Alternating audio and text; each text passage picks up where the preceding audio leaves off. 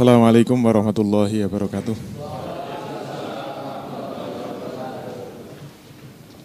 Alhamdulillahirabbil alamin. Wassalatu wassalamu ala asrafil anbiya'i wal mursalin sayyidina wa maulana Muhammadin wa ala alihi wa sahbihi ajmain. Amma ba'd. Bapak-bapak, ibu-ibu dan saudara-saudara sekalian yang dirahmati Allah.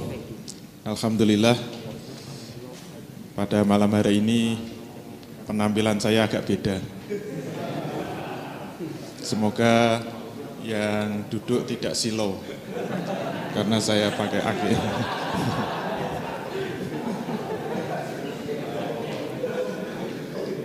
Tapi ini cuma saya pakai dua jam saja. Setelah ini dikembalikan. Katanya yang punya biar disoting. Nanti kalau dijual kan lebih mahal. Namanya Islamic Business Coaching.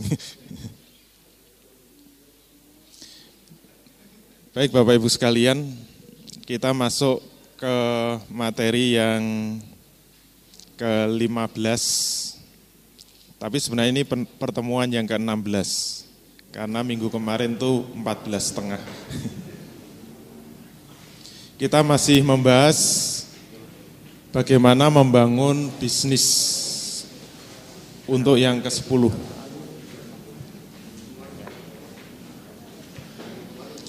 Dan malam hari ini insya Allah pembahasan yang sangat menentukan sukses tidaknya bisnis kita, termasuk sukses tidaknya hidup kita.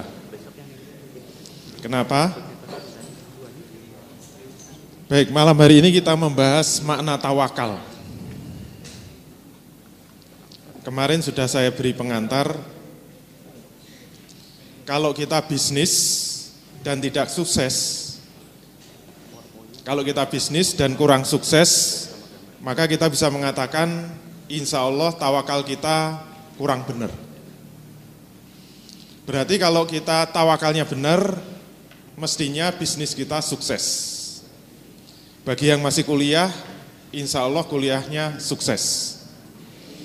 Kalau kuliahnya tidak sukses berarti kurang bertawakal.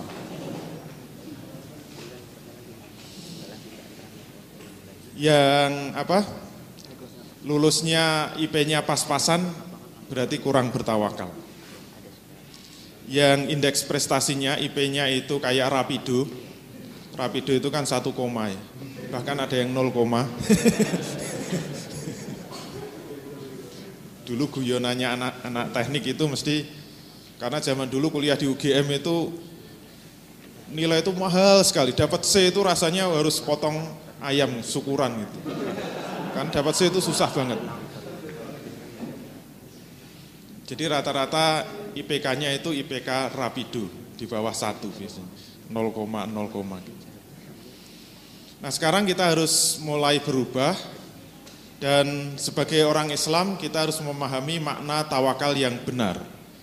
Dan ukuran makna tawakal yang benar, insya Allah kita akan sukses dalam hidup, sukses dalam bisnis, termasuk sukses di dalam berkeluarga.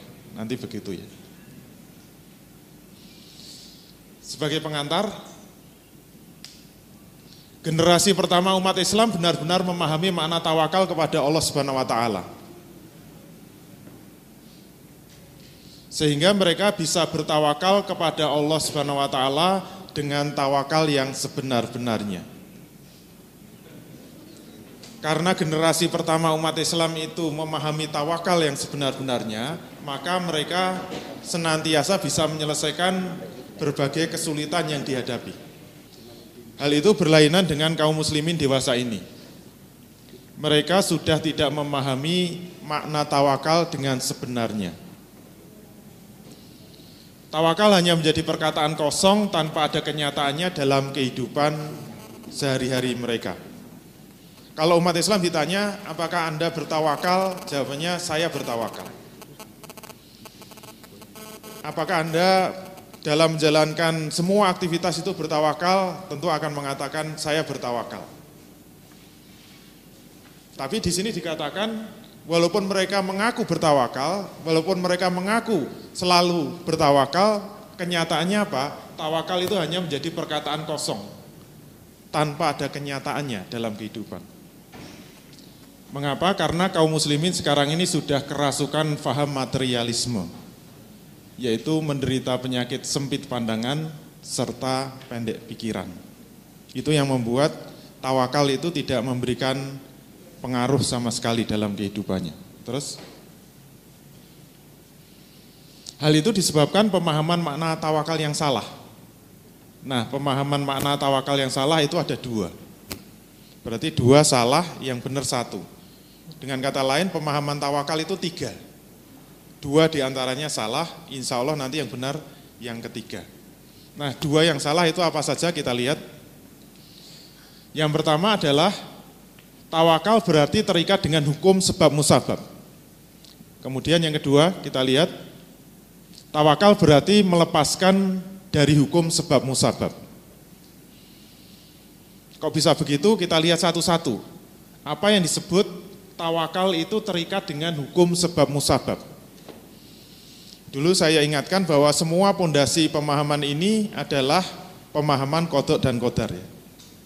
Jadi yang tidak ikut kodok dan kodar agak susah memahami kecuali yang beli DVD-nya. Apa yang dimaksud dengan terikat dengan hukum sebab musabab? Kita lihat itu dalam tanda kutip gara-gara tawakal yang dimaksud itu adalah hadis yang berbunyi ikilha wa tawakal. Ikatlah untamu dan bertawakallah. Saya yakin dalam pengajian-pengajian, dalam ceramah-ceramah di masjid-masjid, kalau ada pembahasan tawakal itu biasanya hadis yang dibahas tidak lepas dari hadis ini, yaitu apa? Ikilha wa tawakal. Ikatlah untamu dan bertawakallah. Kalau hadisnya seperti itu, maka yang dimaksud tawakal itu apa? Ikatlah untamu dan bertawakallah. Saya biasanya mendengar penjelasan dari para ustadz, ikatlah untamu dan bertawakallah itu maknanya adalah berikhtiar dahulu kemudian bertawakal. Bekerja dahulu kemudian bertawakal. Berusaha dahulu kemudian bertawakal. Bekerja dahulu, bersungguh-sungguh dahulu, berikhtiar dahulu, baru kemudian bertawakal. Betul enggak? Itu pemahaman tawakal secara umum seperti itu. Dan mohon maaf, ini kategori pemahaman tawakal jenis pertama yang salah. Kenapa begitu kita teruskan? Justru pemahaman hadis ini digunakan untuk memperlemah makna tawakal di dalam jiwa manusia. Akibatnya himmah dan azimah kaum muslimin menjadi turun.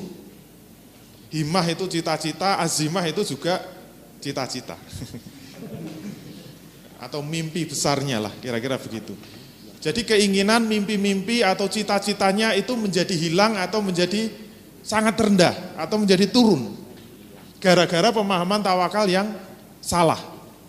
Umat Islam sekarang tidak ada yang memiliki mimpi besar, tidak ada yang memiliki cita-cita yang besar, tidak ada yang memiliki keinginan yang besar.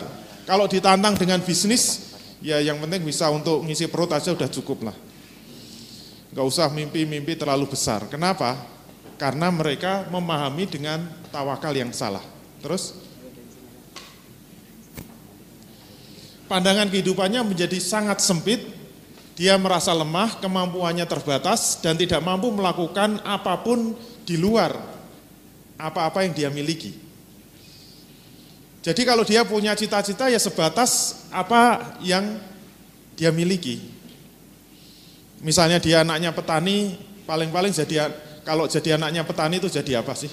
Bisa lulus S1 aja udah untung kok. Kalau bisa jualan bubur di pinggir jalan sudah untung. Kalau sudah punya kereta didorong untuk keliling-keliling jualan burjo sudah sudah beruntung. Kalau mau naik sedikit paling juragan ake. Mohon maaf ya.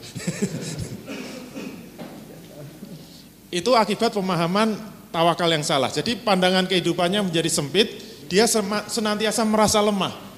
Dia senantiasa merasa kemampuannya terbatas dan dia tidak mampu melakukan apa pun di luar apa yang dimiliki. Terus Sekarang yang kedua, yaitu melepaskan hukum sebab musabab. Saya belum menjelaskan.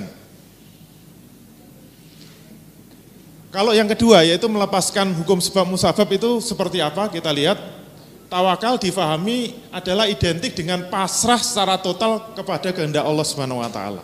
Tawakal itu apa? Pasrah. Saya sudah mewakilkan, sudah memasrahkan kepada Allah sehingga apa? Kehidupannya itu seperti bulu yang diterbangkan angin. Terserah ke mana angin bertiup. Kalau saya masuk JBN ya ya itu sudah kehendak Allah Subhanahu wa taala. Sekarang bisnis apa? Jualan ake. Kenapa? Sudah kehendak Allah Subhanahu wa taala. Dijual berapa? Terserah Allah Subhanahu wa taala. Terus kalau jenis kedua ini itu adalah aliran yang sebagaimana hadis yang tadi kalau dilanjutkan secara lengkap itu hadis dari orang Arab Badui yang membawa seekor onta, kemudian datang menghadap Rasul. Jadi asbabul urutnya, seorang laki-laki datang menghadap Rasul Shallallahu Alaihi Wasallam sambil meninggalkan unta tunggangannya. Seraya berkata, Ekilha wa tawakal. Aku lepaskan ontaku dan aku bertawakal. Itu yang kalimat pertama tadi. Kemudian Nabi berkata, ikatlah untamu dan bertawakallah. Saya salah tadi. Ini perkataan bukan perkataan Rasul. Jadi orang Arab Badui datang menghadap Rasul kemudian mengatakan aku lepas untaku dan aku aku bertawakal. Kemudian ditegur oleh Rasul, ikilha wa tawakal. Ikatlah untamu dan bertawakallah. Terus pemahaman orang Arab Badui itu seperti yang difahami oleh orang-orang yang pernah hidup di zaman Umar bin Khattab. Jadi dulu di zaman Umar bin Khattab ada pemuda-pemuda yang kerjanya setiap hari itu datang ke masjid. Dia tiap hari masuk ke masjid, kemudian sholat duha, dia terus berdoa, kemudian baca Quran, setelah itu tidur di masjid.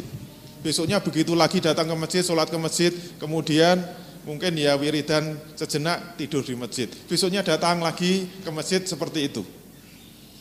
Nah Umar sebagai khalifah pada waktu itu lihat ada pemuda-pemuda kok kerjanya tidur aja di masjid. Ini kayaknya mahasiswa UGM deh.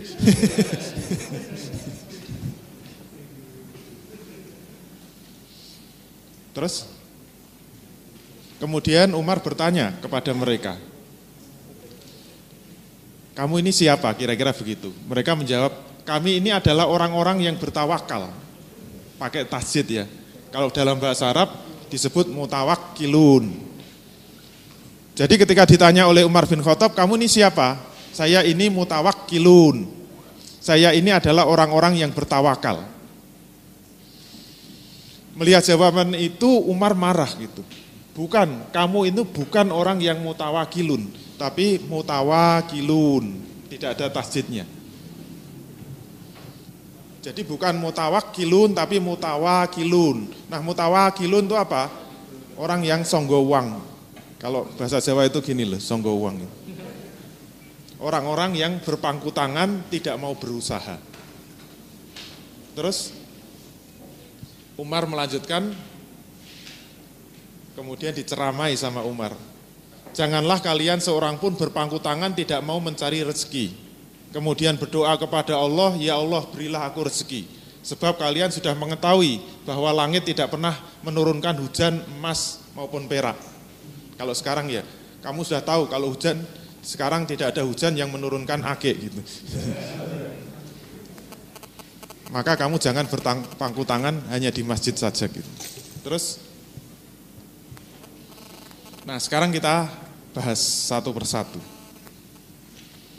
Apa yang dimaksud tawakal jenis pertama yaitu tawakal yang terikat dengan hukum sebab musabab. Kita kembalikan kepada rujukan hadis tadi yaitu ikilha wa tawakal. Ikatlah untamu dan bertawakallah. Itu diartikan sebagai apa? Kita lihat berikhtiar dahulu kemudian baru bertawakal. Oke? Berikhtiar dahulu, baru kemudian bertawakal. Berusaha dahulu, baru kemudian bertawakal. Bekerja dahulu, kemudian baru bertawakal. Kalau mahasiswa ya belajar sungguh-sungguh dulu, pokoknya kalau mau ujian itu kalau perlu begadang semalam untuk belajar mati-matian, besok itu ujian dikerjakan sebaik-baiknya, setelah itu bertawakal. Oke, pemahaman seperti itu. Dan kalau pemahamannya seperti itu sebenarnya tidak ada manfaatnya apa-apa. Itu sebenarnya sama saja orang itu tidak bertawakal. Kenapa? Kita lihat dua lingkaran lagi. Yang satu, ya. Jadi ada dua lingkaran dalam materi kodok kodar kemarin. Lingkaran pertama, walaupun lonjong ya, Lingkaran pertama adalah lingkaran yang menguasai manusia. Lingkaran yang kedua adalah lingkaran yang dikuasai manusia. Ingat yang menguasai manusia itu semua kejadian yang menimpa manusia. Oke, masih ingat ya? Terus kita buka. Nah, dalam lingkaran yang menguasai manusia itu isinya apa?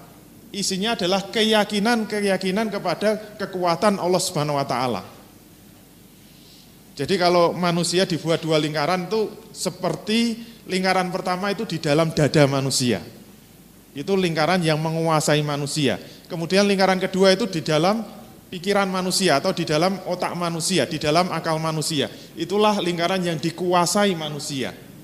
Yang manusia tahu persis logika-logikanya, sebab akibatnya, sebab musababnya itu adalah dalam lingkaran yang dikuasai manusia. Sedangkan oh ini masih bermanfaat. Dalam lingkaran yang menguasai manusia yang dulu dalam materi kodok kodar semua kejadian-kejadian yang menimpa manusia dan itu semua adalah kodok dari Allah Subhanahu wa taala atau ketetapan dari Allah Subhanahu wa taala maka kita lihat kita buka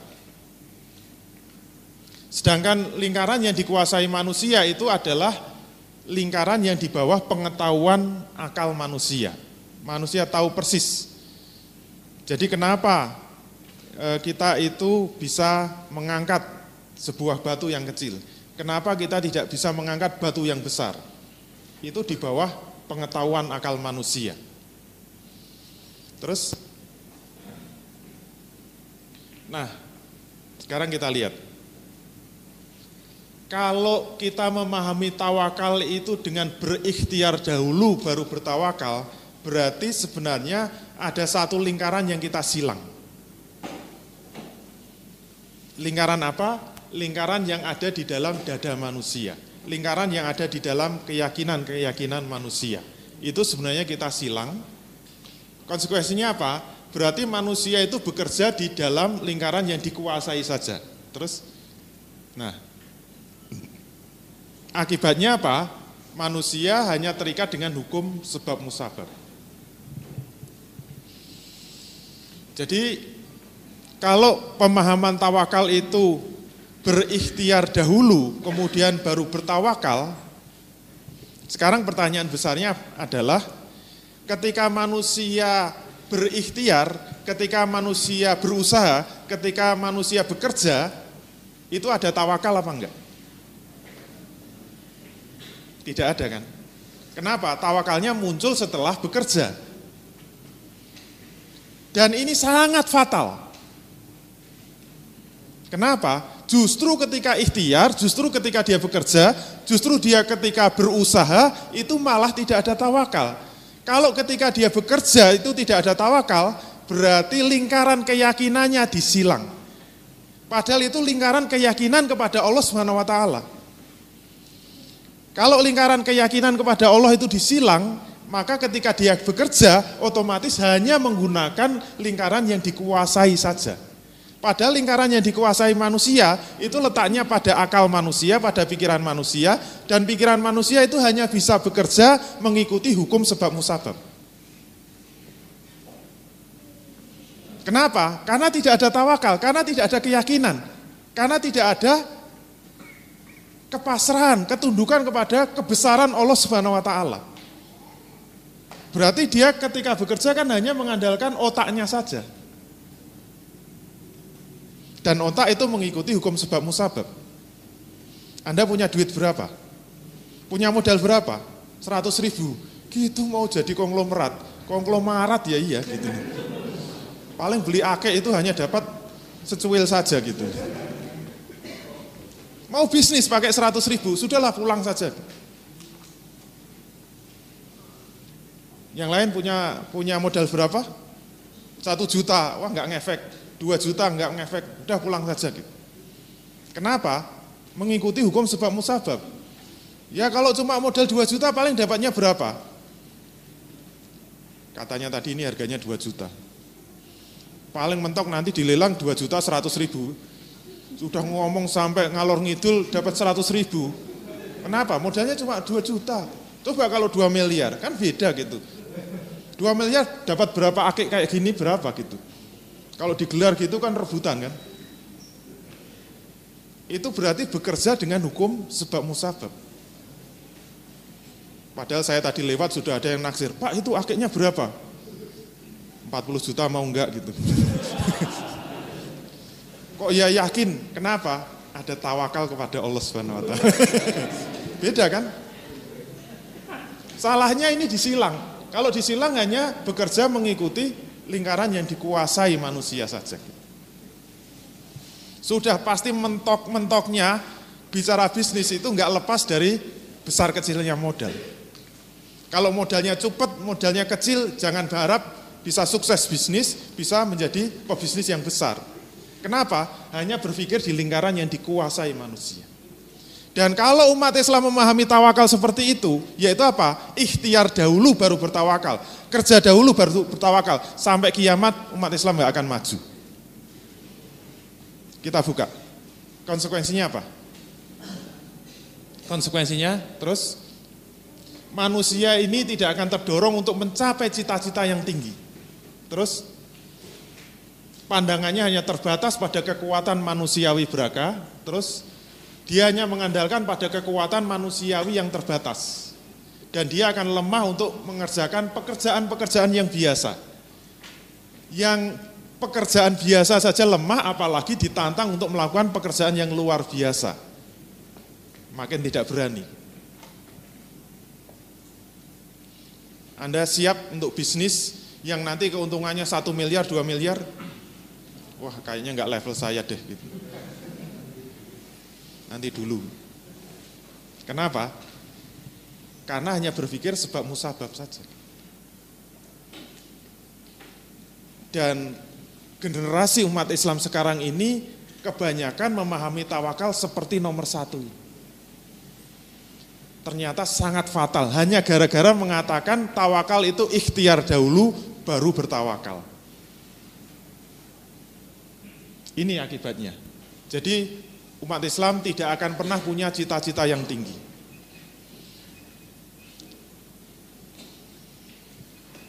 Saya pernah nantang mahasiswa saya, anaknya orang miskin. Saya tanya, kamu senangnya jadi apa? Kan kalau di Hamfara itu pilihannya ada empat. Jadi akademisi, atau jadi bisnismen, entrepreneur, atau jadi birokrat, atau jadi apa? ulama. Dia bilang saya senangnya jadi akademisi. Berarti kamu harus lanjut sekolah. Jangan cukup S1, kamu harus S2. Jangan cuma S2, kamu harus S3. Jangan cuma S3, S4. Kalau ada gitu. Apa jawabannya? Saya cuma anaknya petani. Untuk lulus S1 ini sudah sudah jungkir balik orang tua saya. Gitu. Sudahlah, nggak usah mimpi tinggi-tinggi. Gitu. Kenapa? Karena dia berpikir dalam lingkaran yang dikuasai saja. Kalau mikirnya seperti itu, dia tidak akan pernah punya cita-cita yang tinggi. Tidak akan pernah punya himah yang tinggi, azimah yang tinggi. Kalau dia ditantang dikasih pekerjaan-pekerjaan yang biasa, dia sudah ngelokro. Apalagi ditantang untuk melakukan pekerjaan yang luar biasa. Sudah tidak ada semangat lagi. Terus, sekarang yang kedua. Dan ini adalah kebalikannya, yaitu apa? Melepaskan hukum sebab musabab. Dibuka. ini yang memahami seperti orang Arab Badui atau pemuda-pemuda di zaman Umar bin Khattab tadi, yaitu saya lepas ontaku dan saya bertawakal. Berarti apa? Dia bertawakal tetapi tidak mau berikhtiar.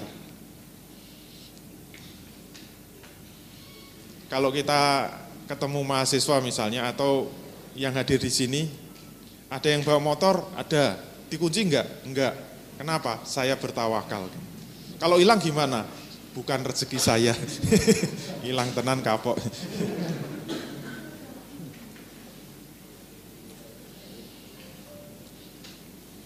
Kalau pemahamannya seperti itu, kita kembalikan pada dua lingkaran kodok kodar, yaitu lingkaran yang menguasai dan lingkaran yang dikuasai manusia. Seperti tadi, yang menguasai manusia itu apa? Kita buka lingkaran yang berisi keyakinan-keyakinan pada kekuatan Allah Subhanahu wa taala. Kalau lingkaran yang dikuasai manusia itu lingkaran yang di bawah pengetahuan akal. Nah, yang disilang yang mana? Yang disilang adalah yang dikuasai manusia. Sehingga dia bekerja, dia berikhtiar, dia melakukan usaha sepenuhnya mengandalkan pada lingkaran yang menguasai manusia, yaitu apa? Bukan hanya sikap pasrah saja kepada Allah Subhanahu wa taala. Jadi dia memahami tawakal itu pasrah total kepada Allah. Kenapa? Karena ininya dicoret. Sama sekali tidak mau terikat dengan hukum sebab musabab. Kamu mau ke mana? Saya mau bisnis di Jakarta. Terus bawa uang berapa? Saya nggak bawa uang hanya modal akik saja gitu. Bisa sampai Jakarta? Insya Allah bisa. Wah, yakin betul gitu. Ternyata betul gitu. Begitu berangkat, naik bis, bayarnya pakai akik gitu. Akik diterima langsung ditendang. Gelundung, tangkap ambulans, ternyata ambulans jurusan Jakarta. Ya sampai juga. itu namanya apa? Enggak mikir belas terlalu bertawakal. Tapi tidak mau terikat dengan hukum sebab musabab. Dan itu benar-benar terjadi di zaman Rasul, juga terjadi zaman Umar bin Khattab tadi. Makanya ketika ada orang Arab Badui yang pemahamannya seperti itu langsung dimarahi. Ikat ontamu dan bertawakal. Orang Arab Badui tadi tidak mau seperti itu. Oleh karena itu ternyata kalau kita melihat umat Islam sekarang ini yang masuk kategori nomor dua ini juga banyak. Saya pernah punya teman yang dulu itu sama-sama di pesantren di Kerapiak, di pondok pesantren Al Musin yang Kerapiak Wetan. Seingat saya dulu dia kuliahnya diisi, bukan di volume ya, diisi. dan orangnya itu dulunya sangat rasional karena senangnya itu diskusi, senangnya debat. Setiap ketemu saya ngajak debat terus gitu. 20 tahun yang lalu pisah, nggak ketemu. Tahu-tahu ketemu di Jogja. Saya sudah pangling, ini siapa gitu. Dia nyebut namanya. Oh, yang dulu di pesantren, iya. Yang kuliah diisi, iya. Yang bukan volume, iya gitu. Saya peluk. Kenapa saya pangling? Karena dia sudah pakai udeng-udeng gitu ya, sudah pakai sorban, jenggotnya panjang, pakai jubah, dan semua rambutnya diwarnai orange. Diwan... Ngertilah jamaahnya apa. Kemudian saya tanya, sekarang tinggal di mana? Di Batam. Terus ke Jogja mau apa? Mau silaturahim. Mau ketemu kiainya lagi, terus terus saya tanya, e, mau sampai berapa hari di Jogja gitu? Jawabnya apa? Ya terserah Allah Subhanahu wa taala. Saya sudah mulai gelisah dari sini. Saya kasihan. Uh, terus nanti malam nginepnya di mana? Sama jawabnya, ya terserah Allah membawa saya ke mana gitu. Padahal saya sudah niat mau saya tawari nginep di rumah saya gitu. Tapi jawabannya tidak membuat saya berselera. Karena jawabnya apa? Terserah Allah akan membawa saya ke mana. kalau saya nanti malam tidur di musola, saya tidur di musola. Tapi kalau di emperan toko, ya saya tidur di emperan toko. Jawabnya begitu. Wah kok gawat gini jawabannya gitu. Terus kamu sebenarnya kerja di mana sekarang? Kerja saya itu di buminya Allah Subhanahu wa taala.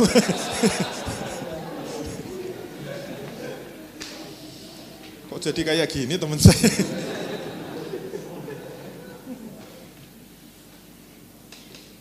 Dan dia juga naik motor nggak pakai helm, tapi pakai sorban. Kok nggak pakai helm? Kenapa? Ya saya pasrah sama Allah subhanahu. Kalau tangkap polisi ya terserah Allah taala. Jawabnya gitu terus. Cekal polisi tenan. Berarti memang ada di kalangan umat Islam yang benar-benar tidak mau terikat dengan hukum sebab musabab. Yang lebih parah lagi itu yang mohon maaf ya, yang suka keluar sampai berapa bulan itu. Dulu ada yang dengan penuh keyakinan meninggalkan anak istrinya. Ditinggal selama tiga bulan, eh empat bulan apa tiga bulan ke IPB itu loh, India, Pakistan dan Bangladesh. Singkatannya IPB. Terus ketika mau pergi selama empat bulan itu ditanya, lo anak istrinya sudah di apa? Sudah dikasih nafkah belum untuk empat bulan? Dia menjawab, belum. Loh nanti makan apa? Saya saya serahkan kepada Allah dan Rasulnya. Jawabnya begitu. Gawat. Ditinggal bener itu nggak dikasih apa-apa gitu. Akhirnya tiap hari anaknya nangis, ibunya juga nangis gitu. Akhirnya yang ngurusi tetangga-tetangganya kan. Oh enggak, enggak dikasih nafkah apa-apa. Empat bulan itu loh. Tiap hari akhirnya tetangganya giliran ngasih makan gantian gitu loh. Begitu pulang anak istrinya masih hidup. Wah bangga kan. Ini karena sudah ditanggung oleh Allah dan Rasulnya. Dan ternyata itu ada di kalangan umat Islam yang pasrahnya sampai seperti itu. Ini yang kita katakan bahwa ini adalah pemahaman tawakal yang salah jenis kedua. Konsekuensinya apa kita lihat? Manusia ini tidak mau terikat dengan sunatullah.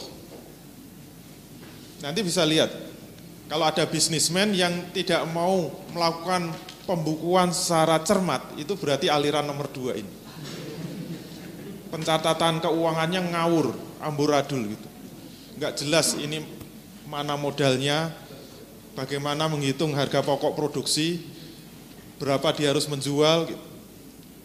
Pokoknya ada duit, nanti ya kalau untuk makan ya makan, untuk modal ya modal gitu. Tunggu aja nanti lama-lama habis itu modalnya. Kenapa? Masuk kelompok dua. Sama sekali tidak mau terikat dengan sunatullah. Apalagi bilang, itu nanti harus belajar akuntansi. Akuntansi dari barat, itu kafir. Gak boleh belajar akuntansi gitu. Membuat bisnis kita jadi kafir. Gawat itu. Dia tidak mau ber, berusaha dan tidak mau berikhtiar. Terus dia hanya mengandalkan sikap pasrah kepada Allah Subhanahu wa taala. Terserah kehendak Allah. Hidupnya seperti bulu yang diterbangkan angin. Ter, terserah ke mana saya akan mencelok gitu loh. Tidak memiliki semangat dan cita-cita dalam hidupnya. Kalau tanya sudah menikah belum? Belum gitu. Kapan menikah? Terserah Allah Subhanahu wa taala. Terus kriteria istri yang dicari terserah Allah gitu. Kalau takdirnya dapat penyanyi dangdut ya ya ya sudah itu jodoh saya. dangdutan bener itu. Kenapa? Tidak memiliki semangat dan cita-cita dalam hidupnya. Jadi yang belum nikah-nikah termasuk kelompok dua. Terus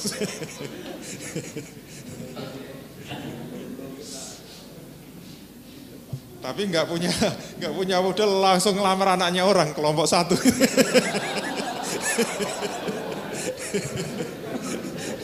salah semua.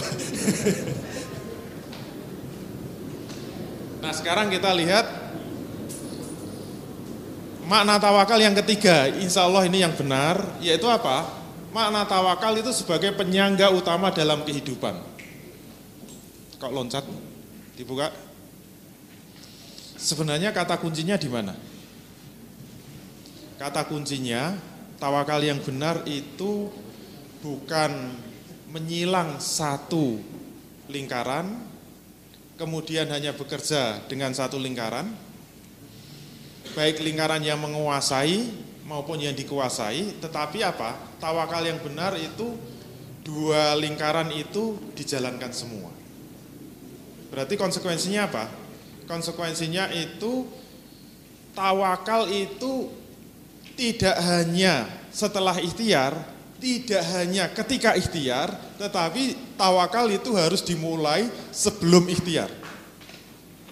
Jadi tawakal yang benar itu sebelum ikhtiar itu tawakal, selama ikhtiar itu tawakal, setelah ikhtiar itu tawakal. Kok cuma gitu ya? Sepele amat. Jangan anggap sepele ya. Kalau benar-benar nanti mau dipraktekkan, ini dampaknya sangat dahsyat. Ingat, tawakal yang benar sebelum berikhtiar, selama ikhtiar dan sesudah ikhtiar. Nah, kira-kira yang membedakan apa? Saya butuh volunteer dua, biasanya satu, dua ya yang agak mirip. Mas siapa? Lido melawan? Huda. Coba berdiri, Mas Lido berdiri, Mas Huda ya, Mas Huda berdiri. Oke, tingginya sama, bobotnya sama, kelas apa? Walter Lingan ya. Oke, duduk lagi.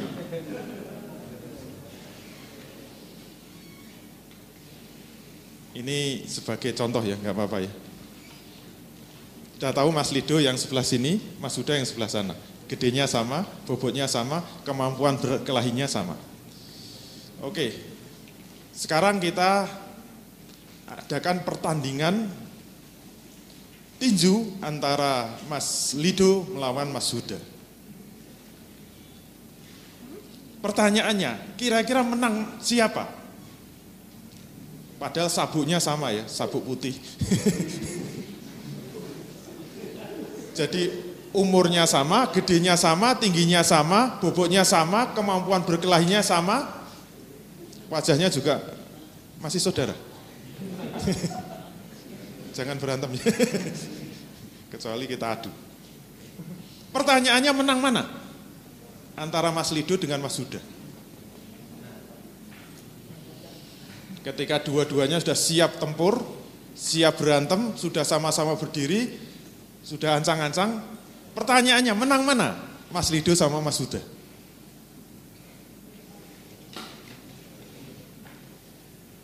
Menang kalahnya ternyata sangat tergantung apa yang ada di dalam otaknya, apa yang ada di dalam pemahamannya. Ketika Mas Lido datang, sudah siap berantem dengan Mas Huda, ternyata Mas Huda kaget, loh lawan saya Mas Lido. Kenapa? Mas Huda itu ternyata anak petani kere, misalnya. Dia cuma buruh tani, bapaknya itu kerjanya apa? Ngerjakan sawah-sawah milik orang lain. Yang kebetulan sawah yang dikerjakan bapaknya itu kebanyakan sawah milik Pak Lurah dan Pak Lurahnya punya anak namanya Lido gitu loh. Coba bayangkan gitu. Begitu mau berantem Mas sudah lihat loh musuh saya Mas Lido. Dia anaknya Pak Lurah. Padahal gedenya sama ya. Belum berantem Mas Huda udah lari terbirit-birit. Sangat ketakutan. Kenapa? Kenapa Mas Huda sangat takut? Kenapa? Karena lawannya Mas Lido itu anaknya Pak Lurah. Padahal bapaknya juga nggak ada, bapaknya juga nggak tahu apa-apa, bapaknya nggak hadir di tempat pertandingan, kenapa Mas sudah lari? Dan Mas Lido makin gagah perkasa. Uh, musuh saya cuma anaknya orang kiri itu. saya lirik aja udah pingsan paling. Malah petenang-petendeng. Sekarang pertanyaannya, apa yang membedakan? Yang membedakan adalah Mas Huda memiliki sebuah keyakinan ada sesuatu yang diyakini di dalam diri Mas Lido sehingga dia sangat optimis bahwa dia akan memenangkan pertandingan. Sedangkan Mas Huda dia sudah merasa underdog, dia sudah merasa minder, dia sudah merasa tidak percaya diri. Kenapa? Karena Mas Huda merasa tidak punya backing sama sekali. Sedangkan Mas Lido, kenapa begitu yakin, kenapa dia begitu gagah, kenapa dia begitu berani, karena dia merasa punya backing. Siapa backingnya? Pak Lurah. Artinya apa? Kekuatan fisiknya itu sama sekali tidak menentukan. Yang menentukan apa? Perasaannya. Gitu. Jadi belum berantem perasaannya sudah merasa dia anaknya Pak Lurah. Dan belum berantem Mas Huda sudah merasa anaknya petani kere. Akibatnya pertandingan tidak jadi berlangsung. Kenapa? Mas Huda sudah lari terbirit-birit. Itu bukti bahwa apa? Kekuatan fisik tidak menentukan. Apa yang lebih menentukan? Sesuatu yang ada di belakang manusia. Yaitu apa? Keyakinan terhadap backing yang ada di belakang. Berarti kesimpulannya apa? Semakin gede backingnya, semakin berani kan? Beda kalau Mas Hidup datang anaknya Pak Lurah, ternyata musuhnya Mas Huda. Dia langsung keramkan kakinya, nggak bisa jalan, mau pingsan. Kenapa? Mas Huda ternyata anaknya bupati. Wah, bisa kiamat saya. Lawan saya apa? Anaknya bupati, padahal bapaknya juga nggak datang. Kenapa Mas Lido tiba-tiba sangat ketakutan? Karena lawannya adalah anaknya bupati, mesti takut dia. Mas Huda kan pedendang pedendengan lebih gagah, dadanya membesar, kepalanya membesar. Kenapa? Merasa anaknya bupati. Beda kalau Mas Lido anaknya Jokowi, wah mesti lebih gagah lagi gitu. Merasa anak bupati sudah gaya gitu loh. Anaknya bupati, wali kota. Ternyata yang datang, uh anaknya Jokowi itu. Udah, udah, udah, jangan dilanjutkan, kita lari aja, kita lari. Kenapa? Melawan anaknya presiden. Kenapa sangat takut anaknya sama anaknya presiden? Padahal sama-sama kurusnya. Berarti backing itu sangat mempengaruhi dan anaknya Jokowi akan bertekuk lutut kalau lawannya Mas Huda, anaknya Barack Obama. Pasti sangat ketakutan. Saya ingat saya punya saudara yang anaknya jenderal polisi gitu. Wes pokoknya kalau ada apa-apa tinggal telepon sama bukan sama jenderalnya, sama anaknya itu. Anaknya itu cuma lulusan sarjana biasa, bukan polisi juga gitu. Kan kebetulan itu menantu kakak saya. Kakak saya pernah kecelakaan, mobilnya nabrak. Sepeda motor yang pagi-pagi itu mabuk itu. Naik sepeda motor mabuk tahu-tahu dia motong jalan ya ketubruk beres itu langsung motor itu jadi dua. Untung orangnya tidak jadi dua. Ulangnya gelundung, luka parah, motornya juga hancur. Tapi sama kakak saya diobati sampai selesai, kemudian motornya diperbaiki selesai, tapi mobilnya ditahan polisi kan? Biasalah, tinggal ngambil kan sudah damai tinggal ngambil, ternyata cuma ngambil saja nggak bisa. Kenapa? Harus ya 5 juta lah gitu kalau mau mengeluarkan. Lu saya sudah selesai semua urusan, ya mau ngambil 5 juta, kalau enggak ya nggak bisa gitu. Akhirnya apa? Cukup nelpon menantunya. Begitu menantunya datang, wah itu seluruh kantor polisi hormat semua. Aduh apa, apa aduh, ribut semua. Saya cuma mau ngambil mobil, mobil yang mana? Yang itu loh. Oh silahkan silahkan gitu. Sekarang bisa diambil, isu silahkan gitu. Bayar nggak? Kenapa? Anaknya jenderal. Berarti semakin tinggi backing seseorang itu semakin berani. Betul enggak? Betul enggak? Oleh karena itu kesimpulannya apa? Siapa manusia yang paling berani? Siapa manusia yang paling berani? Harusnya manusia yang paling berani adalah manusia yang memiliki backing yang paling besar. Siapa yang backing yang paling besar? Yaitu backing dari zat yang maha besar. Kalau backingnya jenderal aja sudah berani, backingnya presiden aja berani, backingnya presiden Amerika lebih berani lagi. Ada yang lebih hebat?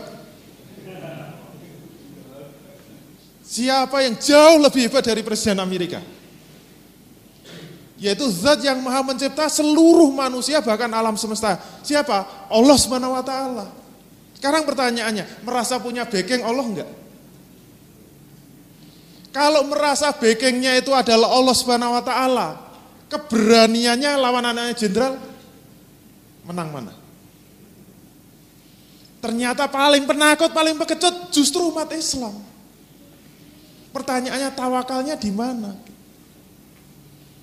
Itulah yang dimaksud tawakal yang sebenarnya itu jangan melangkah apa pun juga. Jangan melakukan pekerjaan apa pun juga. Jangan melakukan bisnis apa pun juga sebelum bertawakal.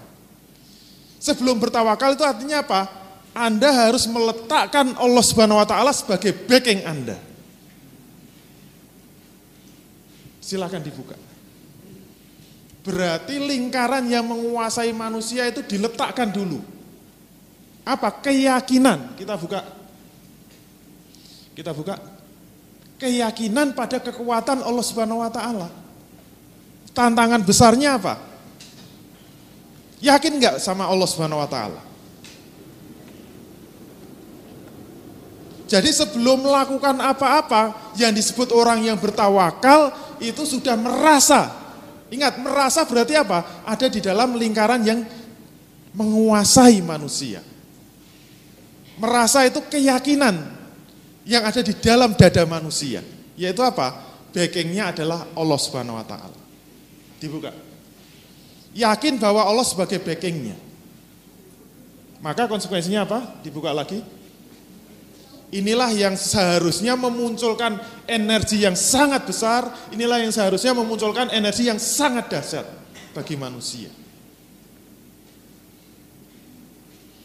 Berarti kalau orang itu penakut, orang itu pengecut, orang itu ciut nyalinya, jujur saja, sebenarnya dia tidak bertawakal kepada Allah Subhanahu wa taala, tidak yakin kepada Allah Subhanahu wa taala. Teorinya begitu ya, walaupun prakteknya susah. Yang jadi masalah apa? Kenapa kita tidak bisa menjadikan Allah sebagai backing kita? Padahal kita percaya Allah ada enggak? Ada kan? Allah sudah ridho kepada Islam, kepada umat Islam. Iya enggak? Inna dina indallahil Islam. Sesungguhnya agama yang diridhoi Allah itu hanya Islam. Anda orang Islam kan? Kita orang Islam, betul enggak? Berarti yang diridhoi Allah itu siapa? Orang Islam kan? Berarti yang layak dapat backing dari Allah Subhanahu wa taala siapa? Orang Islam kan? Tapi kenapa orang Islam itu tidak yakin kepada Allah? Kira kira tahu nggak penyebabnya?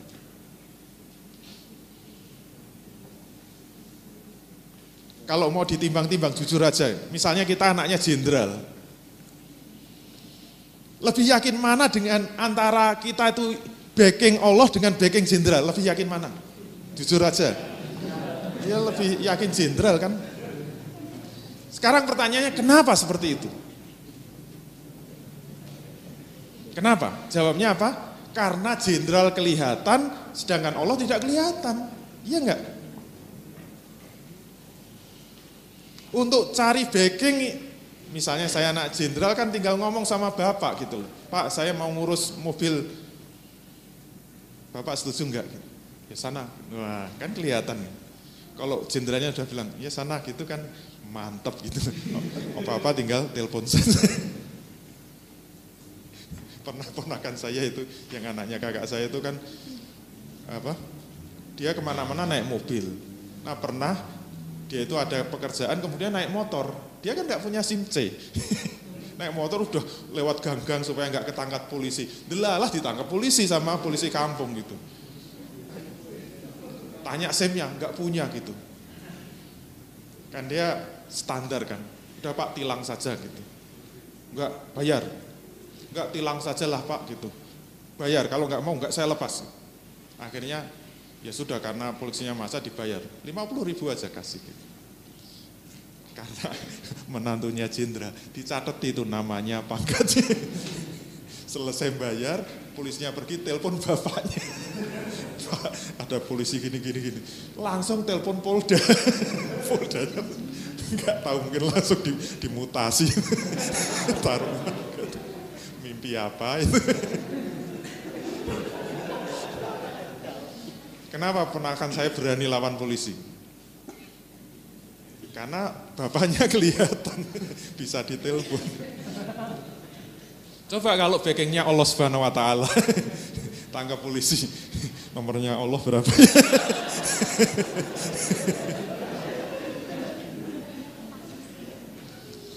Oleh karena itu, sekarang yang jadi masalah bagaimana kita bisa yakin seyakin yakinnya bahwa Allah itu mau jadi backing kita. Walaupun Allah tidak bisa kita lihat. Kalau bapak mertua masih bisa kita lihat, masih senyum apa enggak, masih bisa ngelinting kumisnya apa enggak gitu. Kalau ngelamar mertua juga begitu kan. Bisa dilihat wajahnya, senyum-senyum apa sudah mulai mengkeret itu. Kalau wajahnya sudah mulai suram, nggak perlu dilanjutkan itu proses lamarannya, langsung pamit saja. Kenapa? Wajahnya langsung kelihatan. Sekarang yang jadi masalah bagaimana kita bisa memastikan bahwa Allah siap menjadi backing kita. Bahwa Allah siap mendukung kita. Bahwa Allah siap membantu semua pekerjaan kita. Termasuk bisnis kita, termasuk usaha kita, termasuk perjuangan kita. Inilah tugas apa? Kita buka. Jadi kalau kita itu benar-benar lingkaran yang menguasai manusia itu dipenuhi dengan keyakinan-keyakinan, seharusnya keyakinan ini nanti menjadi penyangga bagi lingkaran yang dikuasai manusia, yaitu ada di dalam akal manusia. Begitu keyakinan besar karena merasa backingnya besar, maka di sinilah akal itu harus mulai berani bergerak menembus lingkaran-lingkaran yang mungkin di luar batas-batas hukum sebab musabab. Sudah berani mimpi besar, sudah pu berani punya cita-cita yang besar. Kenapa? Dibuka lagi. Karena akalnya sudah dikunci dengan penyangganya. Yaitu apa? Akalnya sudah bisa memastikan. Jadi yang bisa memastikan itu hanya akal. Kalau perasaan itu tetap nggak bisa. Ini sudah kita bahas ya pada pertemuan-pertemuan sebelumnya. Kalau kita ingin memastikan bahwa Allah pasti menjadi backing kita, caranya gimana? Ini yang harus kita ketahui. Kalau kita melangkah, Allah ridho apa enggak? Allah murka atau ridho dengan langkah-langkah kita? Kita kan enggak bisa melihat. Kita enggak tahu. Kita enggak bisa melihat wajah Allah. Allah tersenyum apa marah? Allah ridho atau murka? Nah kalau pemahaman tawakal kita benar, maka pemahaman tawakal itu akan memaksa pada akal kita untuk memastikan bahwa Allah itu siap menjadi backing kita. Caranya bagaimana? Ternyata syaratnya tiga. Kalau menginginkan Allah menjadi backing kita, syaratnya tiga. Kalau tiga ini tidak terpenuhi, kalau kurang mantap, kalau tiga ini tidak terpenuhi,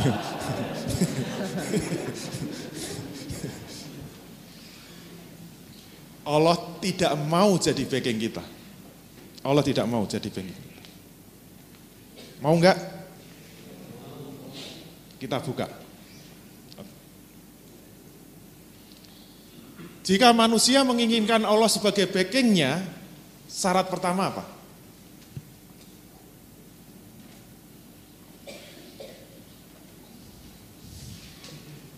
Ternyata syarat pertama agak berat juga. Kalau kita ingin senantiasa dalam gerak hidup kita, dalam perjuangan kita, dalam bisnis kita, dalam semua usaha kita, Allah selalu mendampingi kita, Allah selalu menjadi backing kita, syaratnya apa? Syarat pertama, visi dan misi hidup kita harus sesuai dengan visi dan misi yang diinginkan oleh Allah kepada kita. Kalau visi hidup kita, kalau misi hidup kita nggak sesuai dengan yang diinginkan oleh Allah, jangan harap Allah mau bantu kita.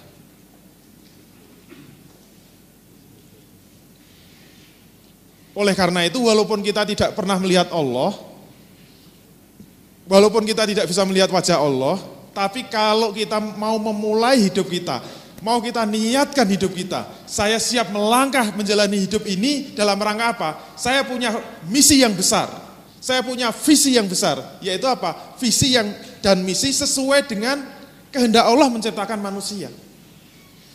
Kalau kita mau menyelaraskan visi dan misi hidup kita sesuai keinginan Allah, maka akal kita akan bisa mengatakan pasti Allah akan ridho kepada kita. Menurut ukuran akal manusia. Dalam bahasa akidah ya insya Allah Allah akan ridho kepada kita. Yang bisa mengunci ini siapa? Akal manusia. Maka kita tidak perlu ragu-ragu lagi. Kita hanya ragu-ragu kalau di dalam menjalani hidup ini kita masih belum selaras dengan visi dan misi yang diinginkan oleh Allah. Berarti kembali kepada materi sebelumnya yaitu materi akidah. Menjawab tiga pertanyaan besar. Sebenarnya hidup kita tujuannya untuk apa? Kita berasal dari mana dan setelah mati akan ke mana? Oleh karena itu yang harus kita jawab nantinya adalah sebenarnya tujuan utama Allah menciptakan kita itu untuk apa sih? Kalau kita sudah tahu jawabannya, kemudian kita mau melangkah di dalam hidup ini sesuai dengan tujuan penciptaan manusia, insya Allah startnya udah benar. Yakinlah bahwa Allah itu akan menolong kita, melindungi kita, siap menjadi backing kita. Itu baru syarat pertama. Niat hidupnya harus benar dulu. Jangan sampai salah. Oke, nomor satu sudah siap. Kalau oke, lanjut nomor dua. Kita buka. Ternyata nomor dua adalah kalau visi dan misi kita sudah benar, ketika kita menjalani misi hidup ini, setiap langkah kita itu harus sesuai dengan syariat Allah Subhanahu wa taala. Apa yang kita jalani itu harus sesuai dengan syariat Allah Subhanahu wa taala.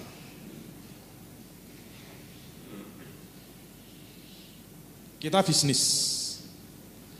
Niat hidup kita sudah benar, visi dan misi hidup kita sudah benar dan kita sudah siap menjalankan bisnis misalnya. Sekarang pertanyaannya, bisnis kita sesuai dengan syariat apa enggak? Ternyata bisnis kita bergelut dengan yang diharamkan oleh Allah bergelut dengan riba, modalnya dari bank misalnya. Gimana Allah mau ridho kepada kita? Kalau bisnis yang kita jalankan ternyata menentang apa yang diharamkan oleh Allah. Maka kita harus yakin Allah itu nggak mau membantu kita. Kalau tetap sukses, namanya apa? Istidroj. Yang sampai sekarang saya belum ketemu bahasa Indonesianya. Istidroj itu apa? Dilulu. di apa? Di ujo. Ini bahasa Jawa kabeh. bahasa Indonesia, bahasa Indonesia apa? Istid, eh, dibiarkan. Cocok apa? Istidrat itu ada unsur dilulu.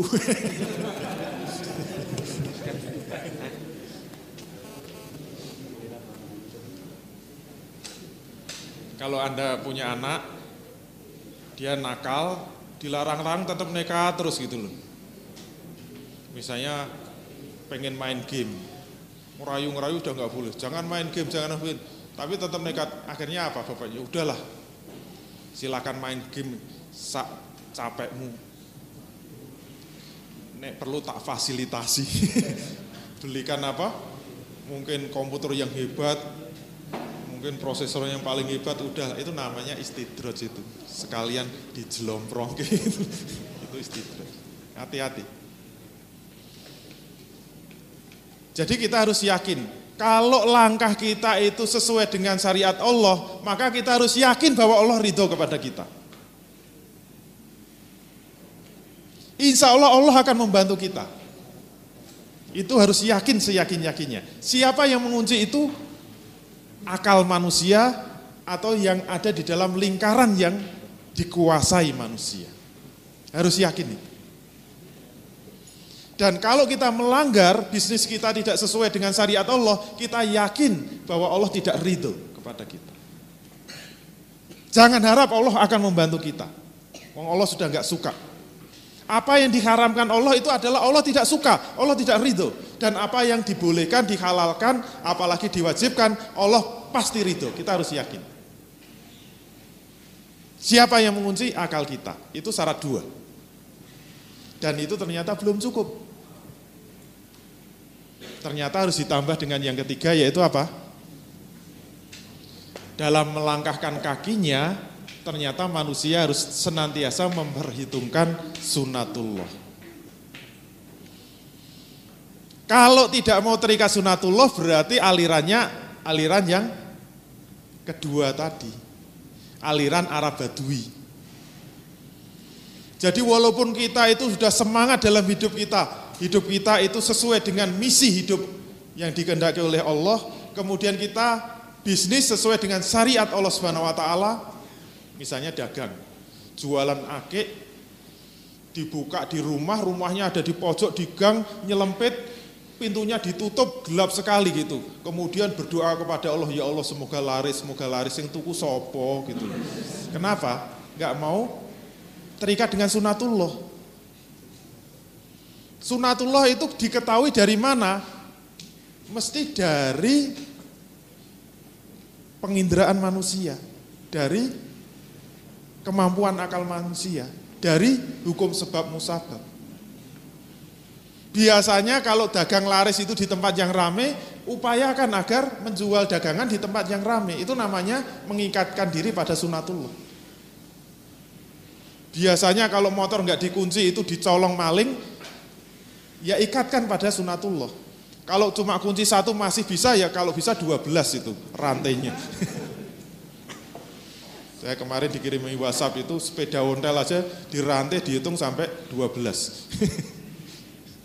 Yang mau nyuri ya siapa? Inilah yang disebut tawakal yang benar. Jangan ngaku-ngaku tawakal kalau tiga syarat ini tidak terpenuhi misi hidupnya harus sesuai dengan misinya Allah Subhanahu wa taala. Yang kedua, langkahnya harus sesuai dengan syariat Allah. Yang ketiga, harus sesuai dengan sunatullah. Itu baru disebut tawakal yang sebenarnya. Oke? Kita lihat dalil-dalilnya. Oh, konsekuensinya dulu. Kalau tawakalnya benar, manusia ini akan senantiasa memiliki himmah dan azimah yang tinggi dan mulia. Terus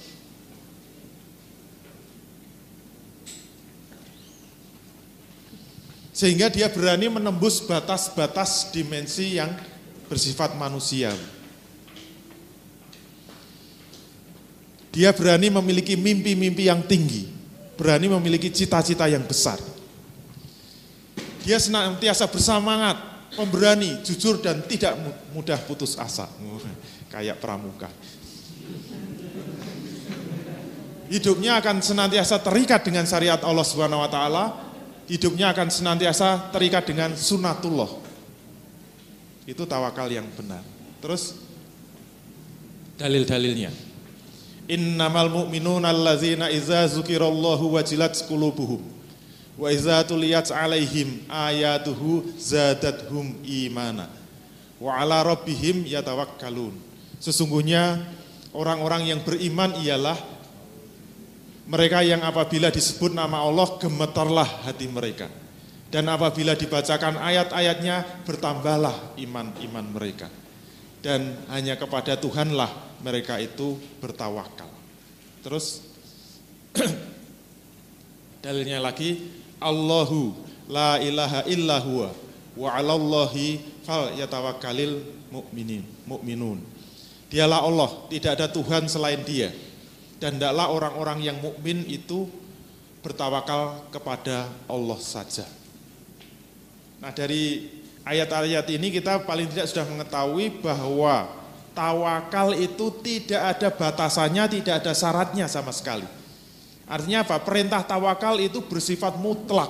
Artinya apa? Sebelum ikhtiar, selama ikhtiar, dan setelah ikhtiar itu tetap diperintahkan untuk senantiasa bertawakal. Terus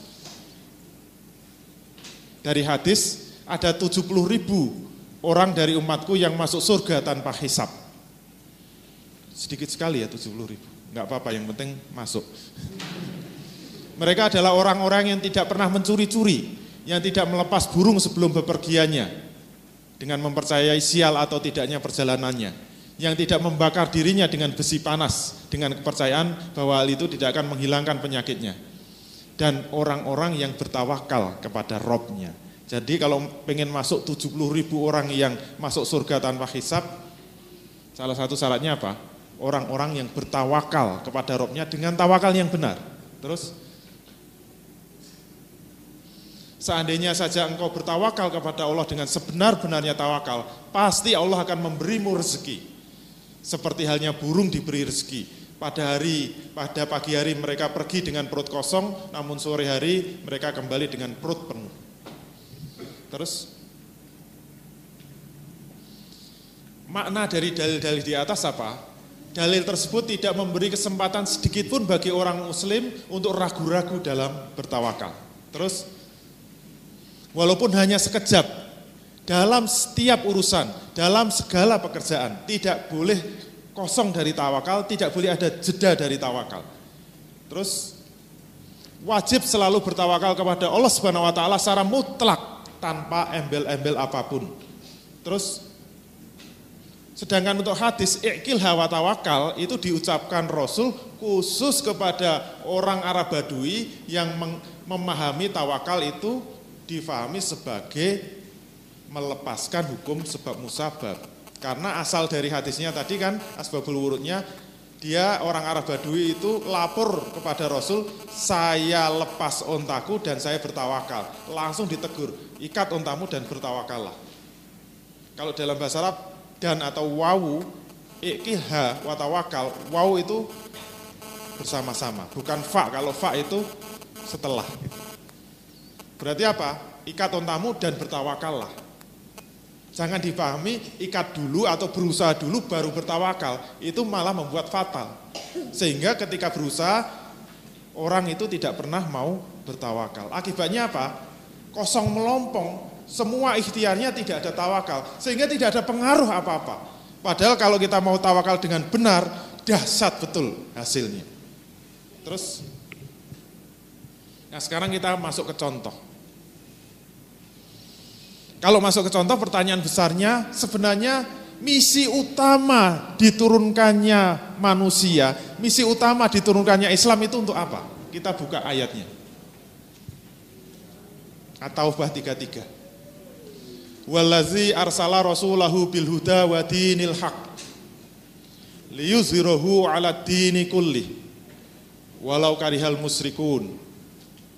Dialah Allah yang telah mengutus Rasulnya dengan membawa petunjuk dan agama yang benar. Pertanyaannya, untuk apa Allah menurunkan petunjuk? Untuk apa Allah menurunkan Islam dan mengutus Rasul? Apa tujuan utama Allah menurunkan Islam itu? Jawabannya apa? Liyuzhiruhu ala dini kulli. Ternyata jawabnya apa?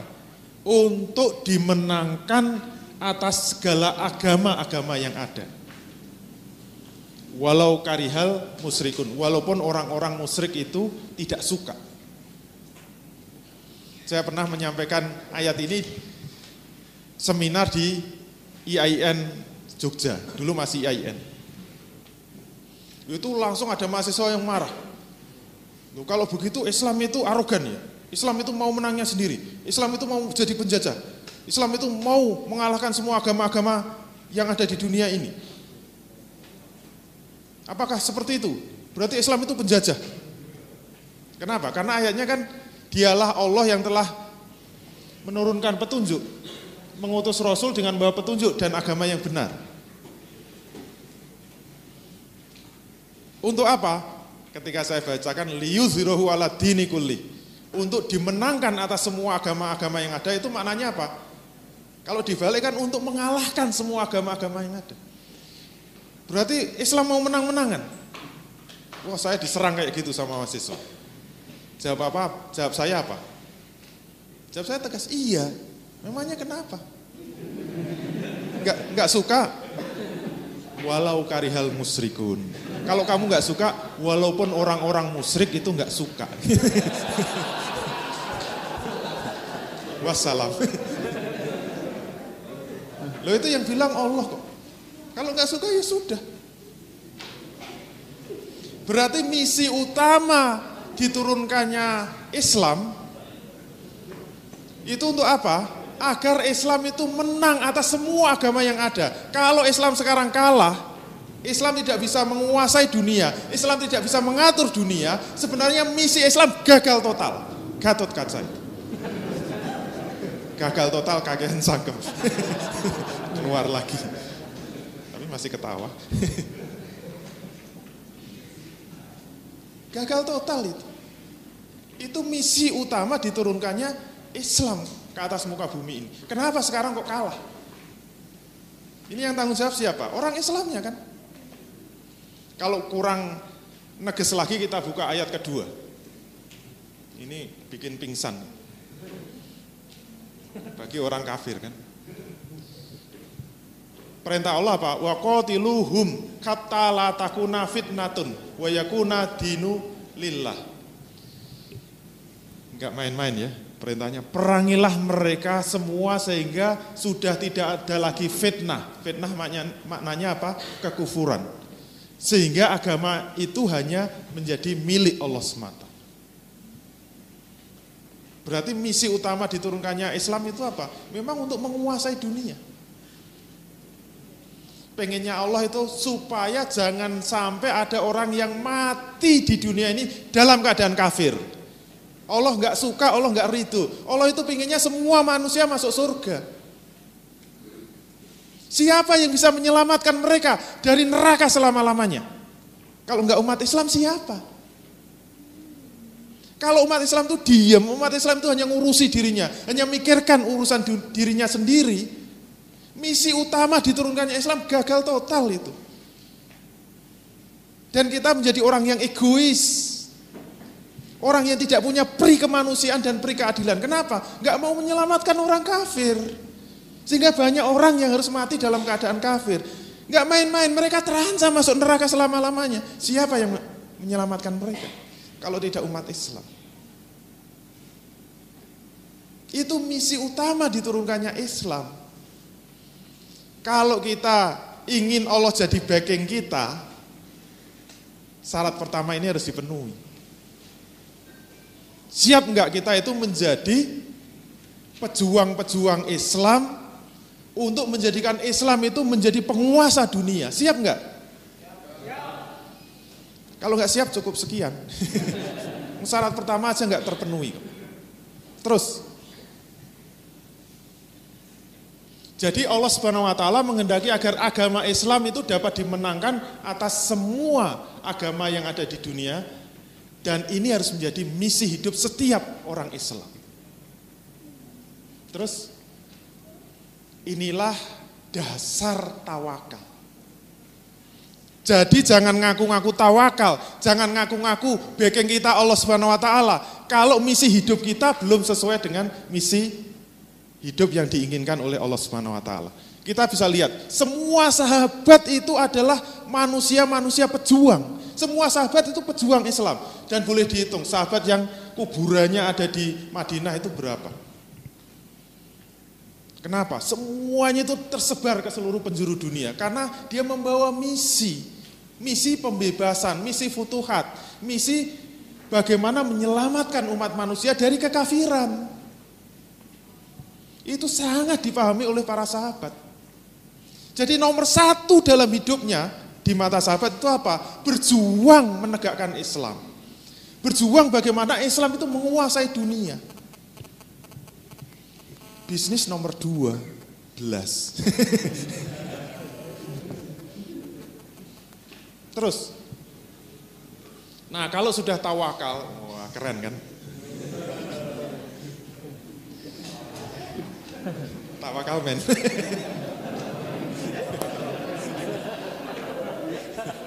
Ini yang pinter yang desain. nah kalau syarat pertama sudah terpenuhi, berarti kita sudah siap tawakal. Artinya apa? Kita yakin sepenuhnya bahwa Allah akan menjadi backing kita. Syaratnya apa? Niatkan saja. Ya Allah saya siap menginfakkan seluruh hidup saya untuk kepentingan perjuangan Islam. Lillahi ta'ala, tidak karena apa-apa. Pokoknya karena Allah subhanahu wa ta'ala. Itu sudah siap kita menempatkan Allah sebagai backing kita. Enggak percaya, buka dadanya. Ada tulisan tawakal di kaosnya. Terus walaupun faktanya sangat berat, bahkan walaupun mungkin kayaknya tidak mungkin nih, boro-boro kita menguasai dunia, kayaknya Indonesia aja nggak beres-beres itu. Boro-boro Indonesia, apalagi Amerika gitu. Gimana menaklukkan Amerika? Amerika itu mau menyelesaikan Indonesia itu cukup ngirim satu kapal induk selesai kok. Kenapa? Satu kapal induk bisa membawa 150 pesawat tempur. Jet yang sangat canggih. Kita punya F-16 berapa? Sisa-sisa dari Amerika yang jeblok satu kan kemarin. Cuma dikasih itu. Dikasih sisanya ya, rongsokannya itu. Masa pesawat rongsokan melawan pesawat yang canggih bisa menang gitu. Kalau tawakalnya salah. Kalau itu kan manusia kan tidak mungkin ngalahkan Amerika. Tapi kalau tawakalnya benar, jangankan Amerika, mau seribu Amerika lawan satu malaikat sudah kalah. Ditiup aja udah tsunami itu. Oleh karena itu tawakal itu menjadi penting kenapa? Walaupun sangat berat, hampir tidak mungkin, manusia yang bertawakal tetap optimis, bersemangat, pantang menyerah. Kenapa? Backingnya adalah Allah Subhanahu Wa Taala. Terus Nah, kalau sudah ngaku-ngaku backing kita adalah Allah Subhanahu wa taala, buahnya apa? Mau terikat dengan syariat Allah Subhanahu wa taala dalam rangka mewujudkan visi dan misi hidupnya tadi. Terus Nah, bagaimana caranya agar kita tetap senantiasa terikat dengan hukum syariat, enggak kepleset. Dalam melaksanakan perjuangan itu kita harus mengikuti tuntunan dari Rasulullah Shallallahu Alaihi Wasallam. Yaitu apa? Ternyata Rasul untuk mewujudkan cita-citanya menjadi penguasa dunia itu ada tahapan-tahapannya. Ingat, Islam dulu pernah menguasai dua per tiga dunia. Dan itu dimulai dari langkah-langkah yang diletakkan oleh Rasul Shallallahu Alaihi Wasallam. Oleh karena itu kalau kita ngaku ingin menaklukkan dunia, kalau kita ngaku ingin menjadi penguasa dunia, caranya bagaimana? Mengikuti syariat Allah yang sudah dituntunkan oleh Rasulnya. Ketika beliau memberikan contoh tahapan-tahapan dakwah sampai menguasai dunia. Terus, nah ternyata tahapannya itu sebenarnya ada tiga, ada marhalah taskif wa takwin, marhalah pembinaan dan pengkaderan. Nanti ada marhalah kedua yaitu tafaul ma'al ummah, berinteraksi di tengah-tengah masyarakat, diterjunkan di tengah masyarakat. Nanti ada marhalah tatbik ahkamul Islam, penerapan hukum Islam ketika sudah memiliki kekuasaan. Tahap tiga termasuk mengemban dakwah ke seluruh dunia. Itu yang telah dicontohkan oleh Rasul. Kalau kita mau meniru itu, misalnya kita ambil Bagaimana yang disebut kita memulai marhalah taskif wa takwin, pembinaan dan pengkaderan, maka yang menjadi pertanyaan, bagaimana menghasilkan kader yang benar-benar handal, bisa mengemban dakwah Islam secara benar, memiliki pemahaman Islam yang benar, memiliki sakofa Islam yang benar, maka kita harus terikat dengan sunatullah. Terus, bagaimana terikat dengan sunatullah? Maka kita harus bisa memiliki metode pembentukan seorang pengemban dakwah yang handal. Terus kita juga harus memiliki metode pembangkitan, penyadaran, pembentukan pemahaman yang baik dan benar. Kalau memang harus dengan ruangan yang nyaman dan sejuk, kalau ini memang lebih memungkinkan untuk kita itu bisa paham dengan baik, ya kita penuhi ini sunatullah. Daripada mengikuti kajian semua pegang kipas semua sumuan gitu ya. Kalau gini-gini nggak mempan akhirnya gak gantian. Kalau memang harus pakai LCD ya pakai LCD. Kalau memang harus pakai remote ya remote yang bagus lah.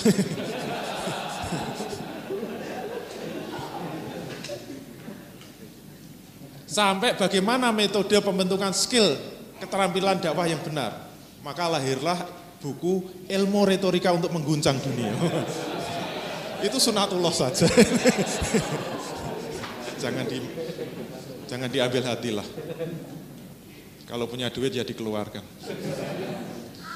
Tetapi ingat, sunatullah itu kemungkinannya dua. Mungkin gagal, mungkin berhasil. Kenapa? Ini bukan hukum syariat. Tapi kalau metode dakwah yang dituntunkan oleh Rasul, maka kalimatnya insya Allah berhasil. Tetapi kalau sunatullah mungkin gagal, mungkin berhasil. Bedanya orang tawakal dengan enggak apa? Kalau orang bertawakal, kalau gagal itu tidak mudah putus asa, kalau berhasil selalu bersyukur dan tidak sombong. Bedanya itu. Kalau orang bertawakal begitu gagal dia sudah putus asa. Bisnis gagal putus asa. Tapi kalau dia bertawakal gagal ini satu langkah menuju kesuksesan. Terus begitu, kapan suksesnya? ya apa-apa, yang penting tetap bertawakal. Terus firman Allah, Allazina qala lahumun nasu innan nasa qad jami'u lakum fakhsauhum fazadahum imana wa qalu hasbunallah wa ni'mal wakil. Yaitu orang-orang yang mentaati Allah dan Rasul dan kepada mereka ada orang-orang yang mengatakan sesungguhnya manusia telah mengumpulkan pasukan untuk menyerang kamu. Karena itu takutlah kepada mereka. Tapi ketika ditakut-takuti, maka perkataan itu hanya menambah keimanan mereka dan mereka cukup menjawab hasbunallah wa ni'mal wakil. Cukuplah Allah menjadi penolong kami dan Allah adalah sebaik-baiknya pelindung. Itu ucapan orang yang bertawakal. Hasbunallah wa ni'mal wakil. Sebagai penutup, kita buka Nah, ternyata visi dan misi hidup kita harus kita balik. Kalau kita sekalian adalah pebisnis, kita pengusaha, jangan sampai kebalik di dalam menjalankan visi hidup. Biasanya normalnya orang jadi pengusaha itu apa? Saya ingin jadi pengusaha sukses. Kalau saya sukses nanti saya akan membantu agama. Ya enggak? Saya akan membantu Islam. Dengan kesuksesan saya, saya ingin ikut memperjuangkan Islam. Itu kebalik itu. Kalau visi dan misinya benar, bagaimana? Kalau pengen sukses, caranya gimana? Ikuti firman Allah ini. Ya ayyuhallazina amanu intang surullaha yang surkum wa yuthabbit akdamakum. Wahai orang-orang yang beriman, jika kamu mau menolong agama Allah, pasti Allah akan menolong kamu dan akan meneguhkan kedudukan kamu. Itu visi, misi pebisnis yang benar. Pengen bisnisnya sukses, jangan kebalik. Yang pertama yang harus kita lakukan apa? Tolong dulu agama Allah, perjuangkan dulu agama Allah. Jadilah pejuang-pejuang Islam. Jadilah penolong-penolong agama Allah. Maka urusan bisnis serahkan pada Allah. Tugas Allah apa? Siap untuk membantu meneguhkan kedudukan kamu. Allah nanti yang akan ngurusi, Allah yang akan menolong. Terus? Oh, sekian. Terima kasih. Assalamualaikum warahmatullahi wabarakatuh. Terima kasih Anda telah menyaksikan tayangan persembahan pengusaha Rindu Syariah. Silahkan hadiri acara-acara yang kami buat seperti Islamic Business Coaching, di mana kita dapat mempelajari kerangka berbisnis Islam, kemudian Islamic Business Sharing, di mana kita bisa belajar kepada pengusaha yang telah menerapkan bisnis syariah, fikih bisnis Islam, di mana kita bisa bertanya dan memecahkan permasalahan-permasalahan bisnis kontemporer, dan Muslim Planner Power Camp, di mana kita akan termotivasi untuk menjadi pejuang syariah dalam berwirausaha. Sampai ketemu di pertemuan berikutnya. Wassalamualaikum warahmatullahi wabarakatuh.